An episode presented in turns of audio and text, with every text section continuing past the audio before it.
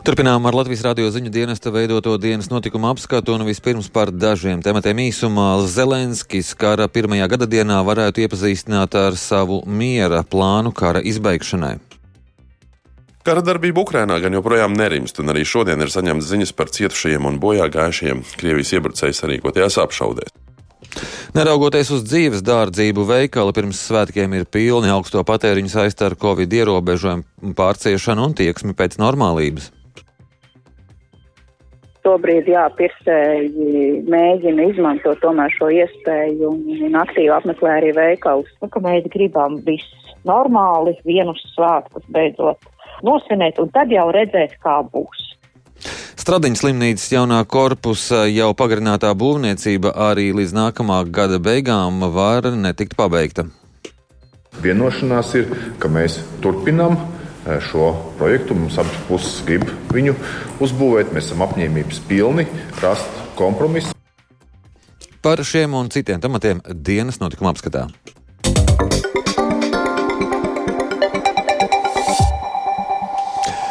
Apšaudē Parīzē ir nogalināti trīs cilvēki, vēl tikpat ir ievainoti. Uzbrukums notika kurdu kultūras centrā un tā tuvumā esošajā frizētavā. Šāvējs ir aizturēts. Tas ir vīrietis, kas iepriekš tiesāts par rasistiskiem uzbrukumiem un tiek turēts aizdomās par vēl vienu uzbrukumu imigrantiem ar nazi.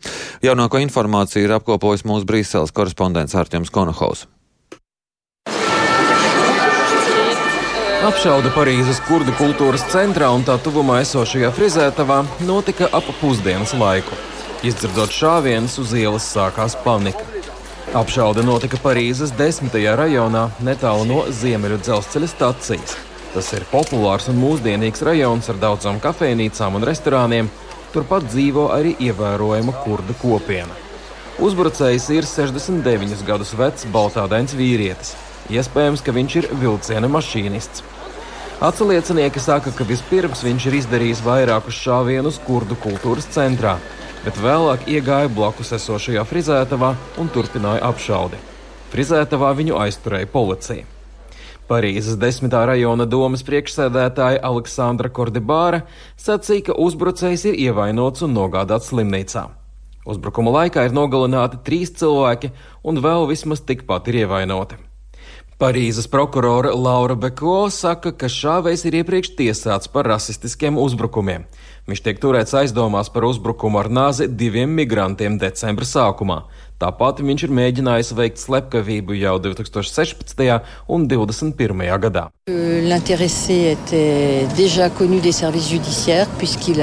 Šī persona bija zināma policijai un tiesai, jo tā iepriekš ir divas reizes tiesāta.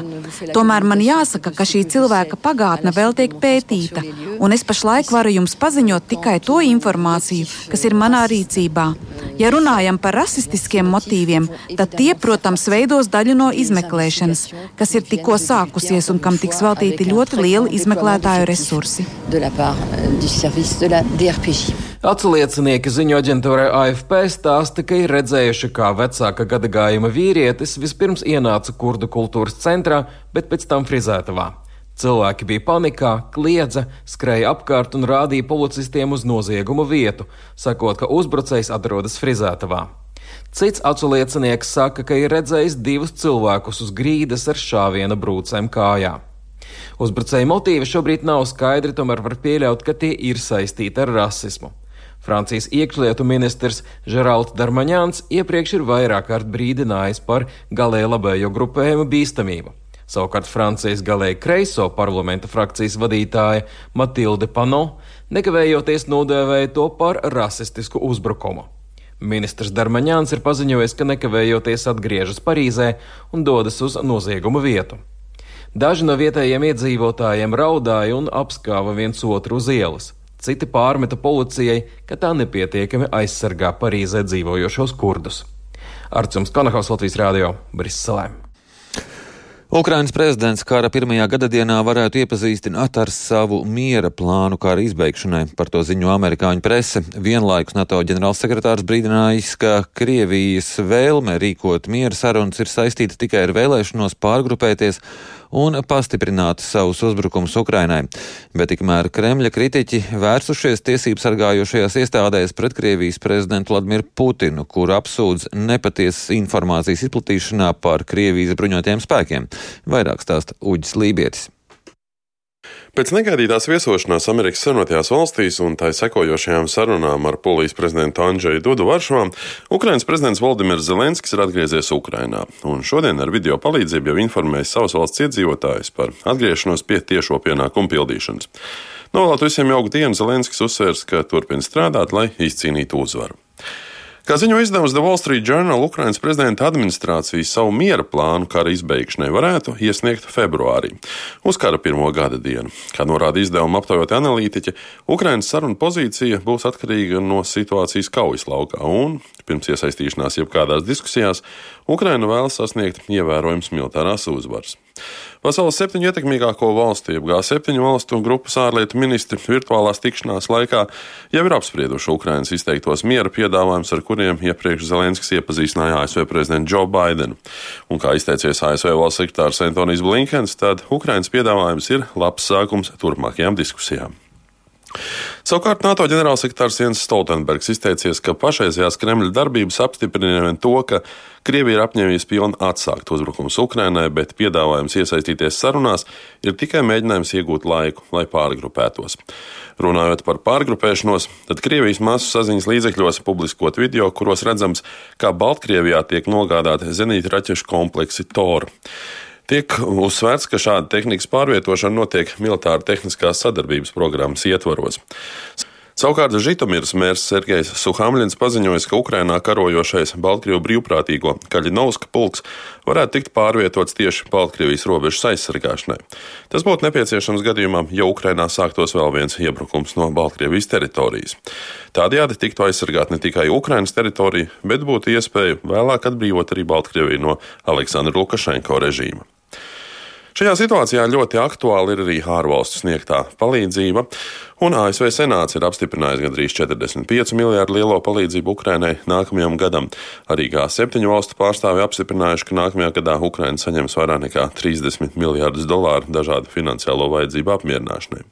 Bet, piemēram, Igaunija apstiprinājusi kārtējo militārās palīdzības sūtījumu Ukrainai un Kievai tiks nodot ziemas formas, tērpi, droni un individuālās aizsardzības līdzekļi. Kara darbība Ukrainā gan joprojām nerimst, un arī šodien ir saņemts ziņas par cietušajiem un bojā gājušajiem Krievijas iebrucēju sarīkotajās apšaudēs. Vienlaikus kļuva zināms, ka Krievijas okupācijas varas iestādes ieņemtajā Mariupolē ir nojaukušas daļu no sabombardētā dramatiskā teātra ēkas. Pilsētas mēra vietnieks Piotrs Andriušenko uzsver, ka okupanti ir nojaukuši tieši ēkas aizmugurējo un centrālo daļu, kurās bija atrodami pierādījumi par iespējamo kara noziegumu pastrādāšanu. Atgādinām, ka Mariupols teātrī izvietotajā bumbu patvērtnē pēc dažādām ziņām gāja bojā vairāki simti cilvēku, tostarp arī bērni. Bet noslēgumā par kādu interesantu atgadījumu. Krievijas prezidents Vladimirs Putins vakar vienā no oficiālajām sanāksmēm ir paziņojis, ka Krievija vēlas izbeigt šo karu. Tā ir pirmā reize, kad tiek lietots vārds karš, jo līdz šim konsekventi izmantots apzīmējums īpašā militārā operācija. Uz šo izteikumu vai netīšo mēlis pagriezienu ātri reaģējuši Kremļa kritiķi, Vēl ātrāk ir rēģējis Sanktpēterburgas pašvaldības deputāts Nikita Joferevs, kurš vērsies prokuratūrā un iekšlietu ministrijā pieprasot ierosināt pret Putinu kriminālu lietu par Krievijas bruņoto spēku apmelnošanu. Jo Ferovs norādījis, ka rīkojumu par īpašās militārās operācijas izbeigšanu nav bijis, bet karš oficiāli nav pieteikts. Un par šādiem izteikumiem cietumsodi jau ir saņēmuši tūkstošiem cilvēku. Tāpēc arī prezidentam nevajadzētu būt izņēmumam, bet par saviem vārdiem atbildēt. Uģis Lībijams, Latvijas Radio.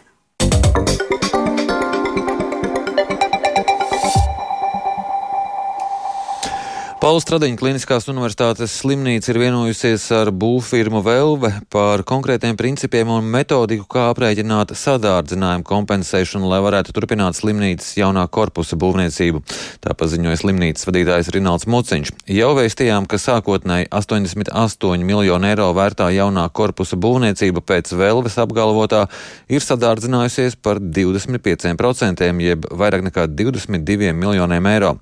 Ilgstoši nespējot vienot vienoties ar slimnīcu par sadārdzinājumu sekšanu, ir būtiski palielinājusies būvdarba gaita. Tādējādi pabeigšanas termiņš no nākamā pavasara pārcelts uz septembri, taču par konkrētu sadārdzinājuma summu vienošanās vēl nav, stāsta Stradiņa valdes vadītājs Muciņš. Slimnīca 20. gadā noslēdz līgumu ar Vēlvi par jaunu korpusa būvniecību, kas ir vitāli nepieciešams mūsu pacientiem, un mēs joprojām ticam un ceram viņu uzbūvēt. Un, eh, diemžēl Krievijas uzsāktā agresija Ukrainā ir mainījusi ekonomisko situāciju valstī, kur ir pasliktinājusies gan būvniekam, gan arī slimnīcai. Mums ir jauni izaicinājumi, kurus atrisināt nav viegli bet mēs ar uzņēmēju sēžam pie viena galda joprojām. Mēs esam apņēmības pilni atrast, un šīs dienas sanāksme ir vedusi pie jauniem kopsaucējiem, pie jaunu pozīciju tuvināšanās. Vienošanās ir, ka mēs turpinām eh, šo projektu. Mums abas puses grib viņu uzbūvēt. Mēs esam apņēmības pilni rast kompromisu. Mēs šodien vienojāmies par pamatprincipiem, Bet, protams, detaļas mums ir jāvienojas nākamā mēneša laikā. Sadārdzinājums ir e, būtisks, bet paralēli sarunām ar Velvi, kur mēs iesim cauri tūkstošiem pozīciju un skatīsimies, vai tas ir atbilstoši un abām pusēm pieņemam, mēs meklēsim arī papildus finansējumu, jo, jo skaidrs ir, ka viņš būs vajadzīgs. Šobrīd ir tikai runa par viņa apmēru. Kompānija Velve būvdarbu sabremzēšanos un izmaksu kāpumu par 15% atzina jau šo pavasaru. Velves vadītāja Vinete Verika atzīst, pat ja valsts atradīs papildu vajadzīgos vairāk nekā 22 miljonus eiro, arī tāda stradiņu jauno korpusu līdz rudenim nepabeigs. Drīzākais eksploatācijā nodošanas termiņš varētu būt nākamā gadumija. 22 miljoni. Bet es saku, jūs saprotat, mēs runājam par objektu, kurš ir 88 miljonu vērtībā. Eh, es tagad nepateikšu, cik tūkstošiem rindu tāmi pozīcijas ir un cik lapas vien tas sastāda. Un cik ēlēs ir ieraksts un cik ir korekcijas. Līdz ar to tas tiešām ir liels, liels darbs, kas jāaiziet cauri. Kas ir lielākās pozīcijas? Jebkurā gadījumā būs strādājumi. Tās ir kurā gadījumā lielākās. Bet tas, pie kā mēs arī nonācām, jo Šajos sešos mēnešos, ja mēs skatāmies arī pa inflāciju, kā ir augusi, tad arī ļoti liela ietekme ir šiem darba spēka pozīcijām un mehānismu pozīcijām. Ja pavasarī, maijā varbūt likās, ka mēs varam sadzīvot ar to un ka tā varētu nebūt varbūt, liela traģēdija, tad šodien tas nav vairs sadzīvojams un tas nav vairs uh, panesams. Līdz ar to, panākot vienošanos, patiesībā ražošana sākās ar pilnu jaudu. Pirmsvētku laikā cilvēku aktivitāte tirzniecības centros un internetu veikalos ir augsta, neslēpj nozares pārstāvi. Arī augstas inflācijas apstākļos tas liecina gan par cilvēku vēlmi svētkos izmantot savus uzkrājumus, gan spītējot notiekošajiem pasaulē svinēt kā ierasts. Turpina Jānis Kīncis. Situācijas, kad pie lielajiem tirdzniecības centriem var būt grūtības novietot automašīnu, apliecina, ka sabiedrības vēlme un iespējas sagatavoties gada nogales svētkiem ir augstas. Cīm redzot, tam netraucē arī neziņa par notikumu pavērsieniem pasaulē un ar tiem saistītā inflācija, vērtē Latvijas tirgotāju asociācijas vadītājs Henriks Danusevičs. Laiki grūti, bet cilvēkiem laikam naudas pietiek priekš svētkiem. Jā, nu, varbūt cilvēki arī tērē naudu dēļ tā, ka jūtas nestabili un labāk naudu iztērēt šodien nekā zaudēt viņas vērtību. Jā. Inflācija tomēr ir un viņa noēda daļu no naudas. Tāpēc tie, kam ir uzkrājumi, es domāju, ka tērēt ar šo domu, ka labāk šodien nopirkt nekā rīt zaudēt daļu no tādas. To apliecinot arī ilgākam laikam noderīgu preču, kā lielās sadzīves tehnikas plašāka iegāde pirms svētku laikā, ko citkārt atlikt uz rītdienu. Pircēji labprāt jau laikus gatavojas svētkiem, īpaši pieplūdums novērojams nedēļas nogalēs. Piemēram, pat par trešdaļu salīdzinot ar pērnā gada decembri ir audzis maizīšu un citu gardumu patēriņš, stāsta arī Latvijas pārstāve Inga Brita. Vēlme sagatavoties svētkiem noteikti vairojusi arī atbrīvošanās no Covid-19 pandēmijas laika ierobežojumiem tirdzniecībā. Pircēji arī šādos apstākļos vēlas svinēt, ņemot vērā pēdējo divu gadu pieredzi un pandēmijas laiku, piemēram, pagājušo gadu, kad e, ļoti aktīvi tika ievērots gan sarkano, gan zaļo veikalu režīms un pircēji iespējas iegādāties varbūt dažos brīžos plašāku sortimentu un iespējas apmeklēt veikals ar plašāku sortimentu bija ierobežots, tad eh, šobrīd, jā, pircēji mēģina izmantot tomēr šo iespēju un, aktīvi apmeklē arī veikalus. Atšķirībā no vārda dienas vai dzimšanas dienas atzīmēšanas, visticamāk, Ziemassvētkus svinēs plašāka sabiedrība.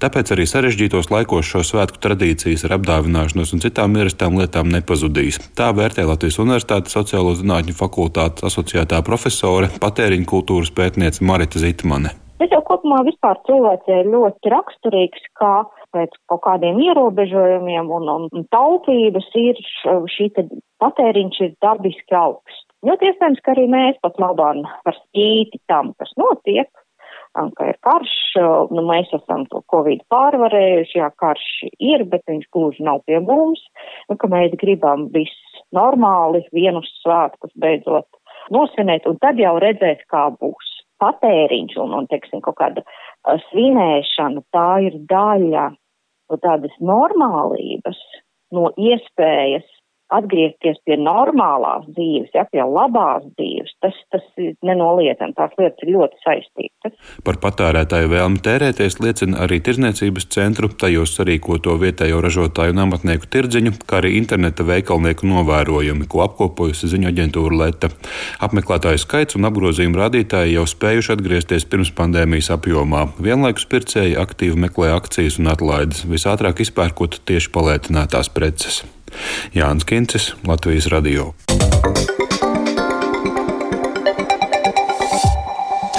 Ziemeļkoreja jūrā pie tās austrumu krasta izšāvusi divas balistiskās raķetes, par to paziņojušas Dienvidkorejas militāra personas. Balistiskās raķetes palaistas vien dažas dienas pēc Dienvidkorejas un ASV kopīgajām gaisa spēku mācībām. Vairāk stāsta Rustams Šukūraus. Dienvidkorejas apvienotā štāba priekšnieki paziņoja, ka katra no raķetēm nolidoja vairāk kā 200 km. Seulas paziņojumā norādīts, ka Ziemeļkorejas rīcība ir nopietna provokācija, kas kaitē mieram un stabilitātei Korejas pussalā un ārpus tās. Savukārt Japānas aizsardzības valsts ministrs iesniedzis protesta notu Ziemeļkorejai, izmantojot diplomātiskos kanālus Pekinā. Incidents notika tikai dažas dienas pēc divu citu rakešu palaišanas un tūlīt pēc ASV paziņojuma par Ziemeļkorejas munīcijas piegādi Ukrainas karā iesaistītajam Krievijas privātajam algotņu grupējumam Wagner. Ziemeļkorejas ārlietu ministrija šādus apgalvojumus sauc par absurdiem. Pieprasot lielāku atalgojumu un izdevīgākus darba nosacījumus, Apple darbinieki Austrālijā sākuši Ziemassvētku streiku, kas varētu ietekmēt tehnoloģiju giganta pārdošanas apjomus svētku laikā. Pār streiku Austrālijas mazumtirdzniecības un ātrās ēdināšanas darbinieku arotbiedrība brīdināja jau mēneša sākumā, stāsta Rustams Šukūraus. Streika priekšgalā esošā arotbiedrība uzsver to, ka Apple astoņus gadus vecais darba līgums neparedz noteiktu darba maiņu skaitu mēnesī un darba grafiku brīvdienas nedēļas nogalēs un 12 stundu atpūtu starp maiņām, kā arī virsstundu likmes. Līgums, kas tika izstrādāts 2014. gadā, faktiski nenodrošina darbiniekiem valstī noteikto minimālo atalgojumu. Galvenais streikotāja mērķis ir panākt to, ka iPhone viedierīču ražotājs sēžas pie sarunu galda un izstrādā jaunu un godīgu vienošanos ar darbiniekiem. Jāmin arī tas, ka Austrālijas Apple darbinieku streiks notiek laikā, kad iPhone vadošā Ķīnas ražotne saskaras ar traucējumiem savā darbībā, jo tās darbinieki iesaistās protestos pret īpaši bargajiem smagajiem covid ierobežojumiem valstī. Pirms trim gadiem Augstdaugavas novadā ieviests jauns sociālā pakalpojuma veids - mobilā brigāde, kas dodas palīgā un aprūpē vientuļos pensionārus un cilvēkus ar invaliditāti. Kā mobilā brigāde darbojas, par to plašāk Silvijas Smagars veidotajā ierakstā. Mobilās aprūpes vienības bāze atrodas daudzfunkcionālajā centrā Skrudalienam. Tieši no šejienes speciāli aprīkotā mašīnā ikdienas izbrauc mobilā brigāde triju cilvēku sastāvā lai apciemotu vientuļos sirmgalvis un cilvēkus ar īpašām vajadzībām visā augšdaļgavas novadā. Aptuveni 100 litri. 100 litri, ko mašīnā iepumpē? Jā, jā. Jau sešos rītā šoferis un mobilās brigādes darbinieks Dmitrijs Stalbovs sāk gatavot mašīnu, piepildot to ar ūdeni un pieslēdzot autonomo apkuri. Un tad ir vēl esmu mazgātava, ja? Maz jā, jā. mašīna. Tā ir dušu kabīne. Šī mašīna kalpo gan kā duša, gan kā veļas mazgātava un pat skaistumkopšanas salons, stāsta sociāla aprūpētāja Oksana Sivačova. Parasti viena darbiniece paliek mašīnā ar klientu. mazgā viņu dušā, griež nagus, matus, vīriešiem bārdu. Pa šo laiku tiek iedarbināta veļas mašīna un mazgāta klienta veļa, bet otra darbiniece kārto un tīra māju. Pirms braukšanas sastādām grafiku. Tagad degviela dārga, tāpēc vienā maršrutā aptveram vienu apkaimi un apkalpojam 3-4 cilvēkus. Paši viņi par šo pakalpojumu neko nemaksā. Šajā reizē brauciens ir uz Viešķu pagastu. Spoģu Viešķu ciemata arī pirmais klients. Vientuļš, bet brašs vīrs, 86 gadus vecais Ladislavs Gāga, kurš sagaida mūs ārā atspēries uz kruķiem. Un pirmais, ko lūdz mobilajā brigādē, atvērt logu slēģus. Ārā paliekot siltāks un gribas vairāk gaismas un ved rādīt savus dzīves apstākļus. Un kā tad jums palīdz šie darbinieki? Ko tad jūs tādu nu, atnes malciņu laikam? Jā, malciņu man bezmazga. Izmazgā mašīnā. Mašīna, mašīna. Pirtiņas jums nav? Nav. Un... Kad man jautras, es nevaru staigāt, ar pavismu nevaru staigāt. 30 gadus viņš nostrādājis par pasnieku, ir vientuļš un pārcietis vairākas operācijas. Diena Vladislavam paiet klausoties radio. Mīļākais esot Latvijas Rādio 3 klasika. Tur varat klausīties skaistu mūziku. Virtuvēs plīts arī paša gatavots ēdiens. Tur jau grītis, grītis ir. A, kā jūs pērkat pats uz veikalu? Nav tālu kāds kilometrs. A, tā man kainu ņivet. Pa šo laiku, kamēr runājamies, mobilās brigādes darbinieki iztīrījuši celiņus no sniega pagalmā. Vladislava mājā sanesuši malku un ūdeni. Pie klientiem viņi ierodas reizi trijās nedēļās. Darbs nav viegls un ar savu specifiku, atzīst sociāla aprūpētā Rīta Pišķika. Nu, тяжеловато возраст все-таки тоже уже. Protams, ir smagi. Tas ir darbs ar cilvēkiem, un mēs apkalpojam 76 klientus. Izbraucam katru dienu. Dienā tie ir 3-4 cilvēki. Katram veltām 2-3 stundas, un cilvēki ir ļoti dažādi. Pirmais šīs dienas klients Ladislavs jau dodas uz mašīnu, lai izmantotu dušas pakalpojumus, ko pats dēvē par pirtiņu. Priekšā vēl divi klienti. Ja gandrīz 80 cilvēkiem šis pakalpojums ir svarīgs un palīdz dzīvot savās mājās, apstākļos, kādos tas ir radis, tas jau ir labi uzsver šīs mobilās brigādes darbinieki. Bet Augstdagavas novada sociālā dienesta plānos izveidot vēl vienu šādu mobilās aprūpas vienību. Silvija Smagra Latvijas radio studijā Latgalē. Sabiedrisko mediju labdarības maratonā dod 5 saziedoti 804 384 eiro Ukrainas bērnu atbalstam Latvijā. Ziedot LV vadītāja Rūta Dimanta Latvijas radio pastāstīja, ka jau ir saņemti 500 palīdzības lūgumi un katru lūgumu izskatīs individuāli. Jā, tad saziedotie līdzekļi 100% apmēram bez nekādām komisijām vai starpniecībām nonāks tiešām Ukraiņu karbēļu bērniņu atbalstam.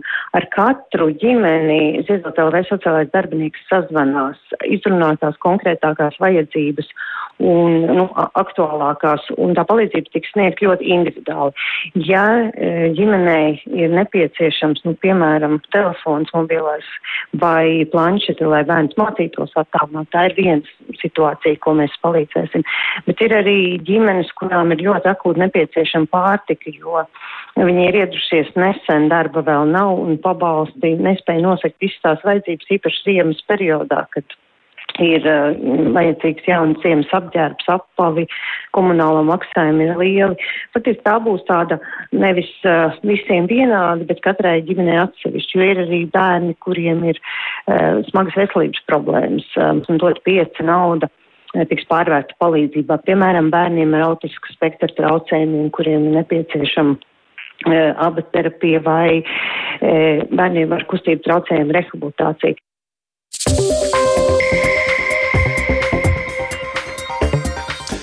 Dienas notikuma apskats izskan redzījuma producents Edgars Kupčs, ieraksts montēja Kaspars Groskops, pie skaņu pulcī veids zvejniece studijā Lauris Zvejnieks un vēl tikai par svarīgāko īsumā. Apšaudē Parīzē nogalināti trīs cilvēki, vēl tikpat ievainoti. Šāvējs ir aizturēts. Zelenskis kara pirmajā gadadienā varētu iepazīstināt ar savu miera plānu kara izbeigšanai. Stradiņas slimnīcas jaunā korpusa jau pagarinātā būvniecība arī līdz nākamā gada beigām var netikt pabeigta. Neraugoties uz dzīves dārdzību, veikali pirms, svēt, pirms svētkiem ir pilni. Mūsu ziņām var sekot līdzi arī Latvijas Rādio 1 Facebook lapā un LSMLV. Raidījuma atkārtojums meklējums raidierakstu platformā kā dienas ziņas un Latvijas Rādio lietotnē mūs var klausīties savā vietā, runī jebkurā laikā un vietā.